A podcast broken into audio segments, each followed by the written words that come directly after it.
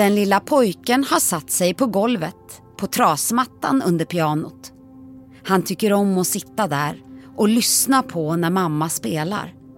Han blundar och lyssnar. Det är så vackert. En dag vill han lära sig att spela minst lika vackert och trollbindande som sin mamma. Men där och då kan hans mamma nog inte ana att hennes son där under pianopallen, Jean Sibelius, kommer att gå till historien som Finlands främsta och mest kända tonsättare genom tiderna.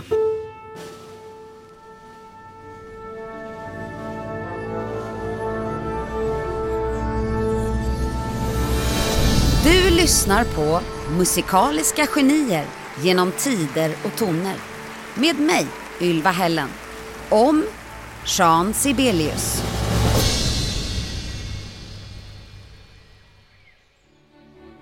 I Sibelius musik kan vi höra den finländska naturen i toner. Sjöar, vattenfall och skogar får liv i kompositionerna och vi kallar honom för den finska klassiska musikens fader. Men vem var Jean Sibelius egentligen? Vi färdas tillbaka i tiden, till där allt började, för ungefär 150 år sedan. Det är en glittrande kall vinterdag i december år 1865. Och inifrån ett litet trähus i den finska staden Tavastehus hörs gälla skrik från en bebis. Det är Johan Christian Julius Sibelius som precis tagit sina första andetag. Familjen kallar den lilla bebin för Janne, så det gör vi också. Men livet börjar sorgligt för Janne. För när han bara är tre år blir pappan sjuk i tyfus. En otäck och farlig sjukdom som är vanlig på den här tiden. Han blir så sjuk att han till slut dör. Av familjen återstår nu bara mamma Maria Charlotta, Janne, Linda och så deras lillebror Christian. Nu väntar en tuff tid för den lilla familjen Sibelius. För det visar sig att pappan har massor av skulder som inte betalats av. Så istället för att ärva pengar står de där med högar av obetalda räkningar. De har så tomt i plånboken att Jannes mamma är tvungen att ta med sig barnen och flytta hem till sin mamma. Alltså barnens mormor. Men vem är då lille Janne Sibelius? Jo, han är lite av en drömmare. Han har livlig fantasi och han älskar naturen. I det nya hemmet hos sin mormor spelar hans mamma en hel del piano och Janne brukar krypa in under pallen och sitta där på trasmattan där vi började den här berättelsen. Snart sätter han sig själv vid pianot och när han är fyra år börjar han ta ut ackord och sina allra första melodier. När Janne är sju år börjar han skolan och det tycker han inte är superkul direkt. Nej, Janne skriver hellre noter än bokstäver i sina böcker och han är rastlös. I skolan får han kämpa på. Men pianospelandet hemma går desto lättare och han blir riktigt duktig.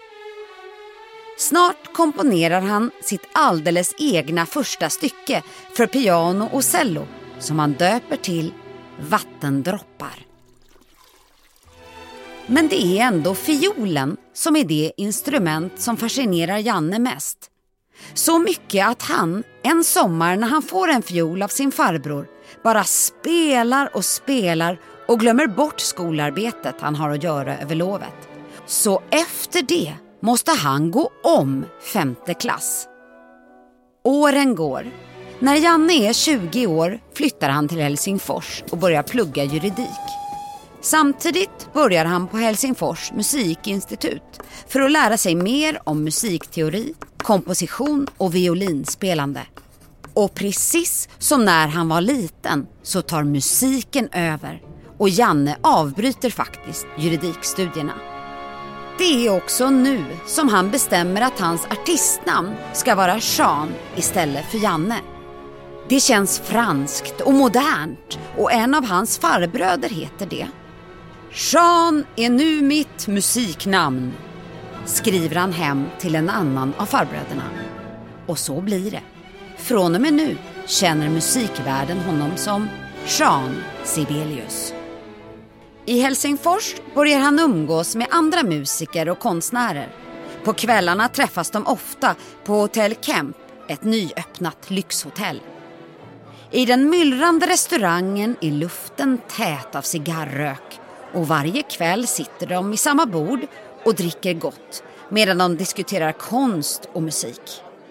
Så småningom träffar han en tjej som heter Aino och det dröjer inte lång tid innan de blir kära.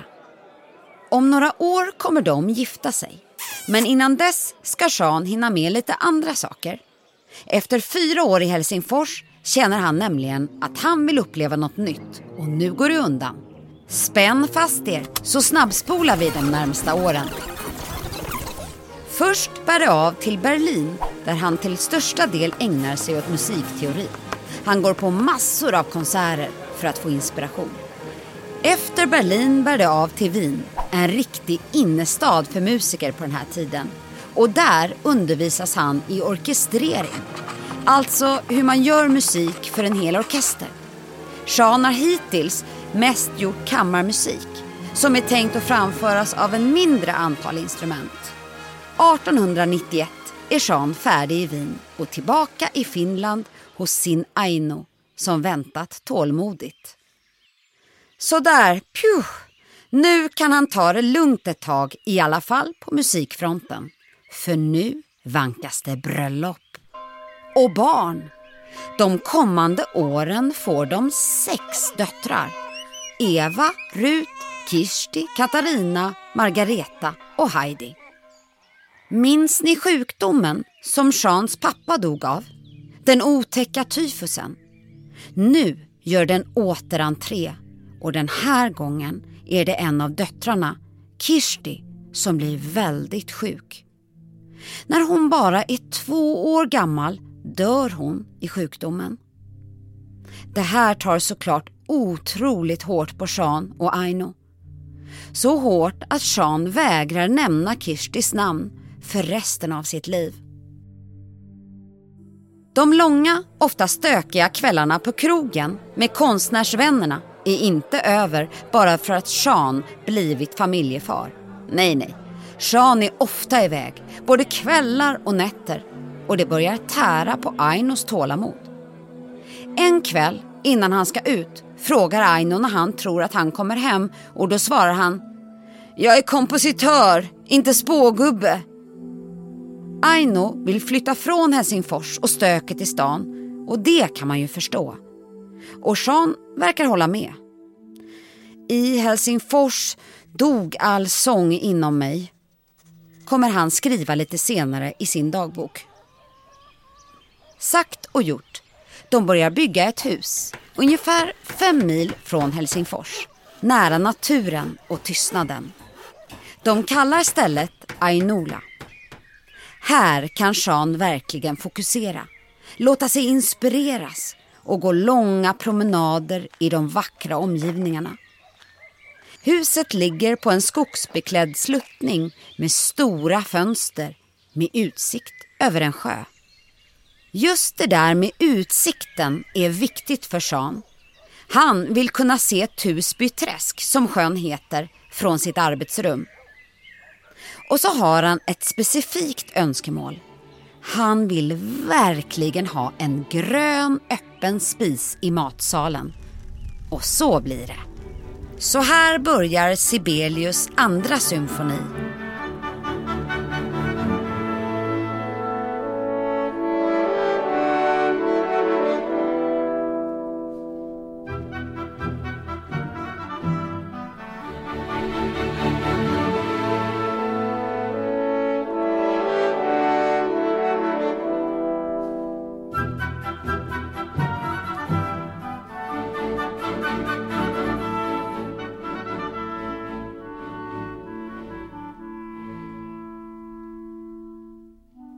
Så, stadslivets sena krogkvällar är utbytta mot lugnet på landet.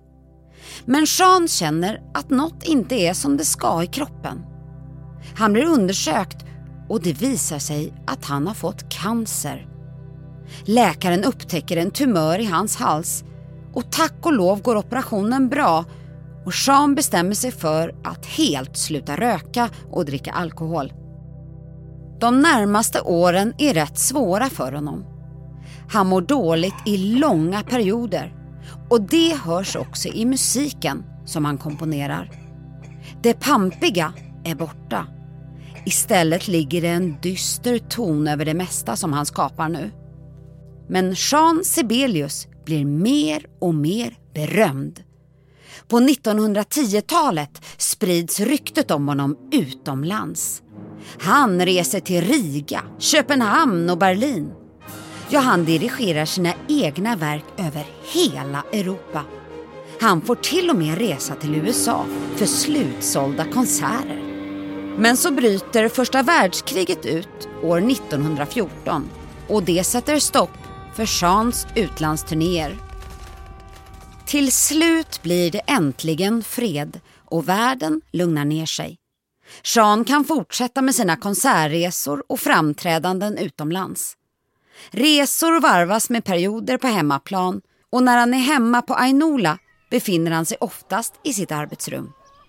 Pennan glöder vid skrivbordet och när han skrivit ett stycke testar han det på pianot. Men han oroar sig mycket för hur hans kompositioner ska tas emot och när han får kritik kan han gräma sig länge. Han har börjat dricka alkohol igen. Mycket för att döva de jobbiga känslorna. Men det är ingen lösning på problemet, tvärtom. Och de sista åren går tempot i skapandet ner. Och han har liksom svårt att få tonerna ur sig. Han skriver och skriver. Men hans verk förvandlas till aska när han i besvikelse och osäkerhet bränner upp dem i den gröna öppna spisen i matsalen. Han skriver mitt liv har urspårat. Alkoholen att döva nerverna plus sinnet. Hur oändligt tragiskt är ej en åldrande tonsättares öde. Det går ej med samma fart som förr och självkritiken växer till det omöjliga. Tvivlet och skrivkrampen tar över och nu komponerar han inget på nästan 20 år. Men helt tyst är det inte. Han kan ju fortfarande dirigera sin redan komponerade musik. Han är vid det här laget världsberömd och reser mellan olika länder och konserthus. När Sean fyller 90 år får han ett paket skickat till Ainola. I paketet ligger en fint inslagen ask med hans älsklingscigarrer tillsammans med en grattishälsning. Paketet är från Storbritanniens premiärminister Winston Churchill. Ett av hans allra mest kända verk heter Finlandia Opus 26 och låter så här.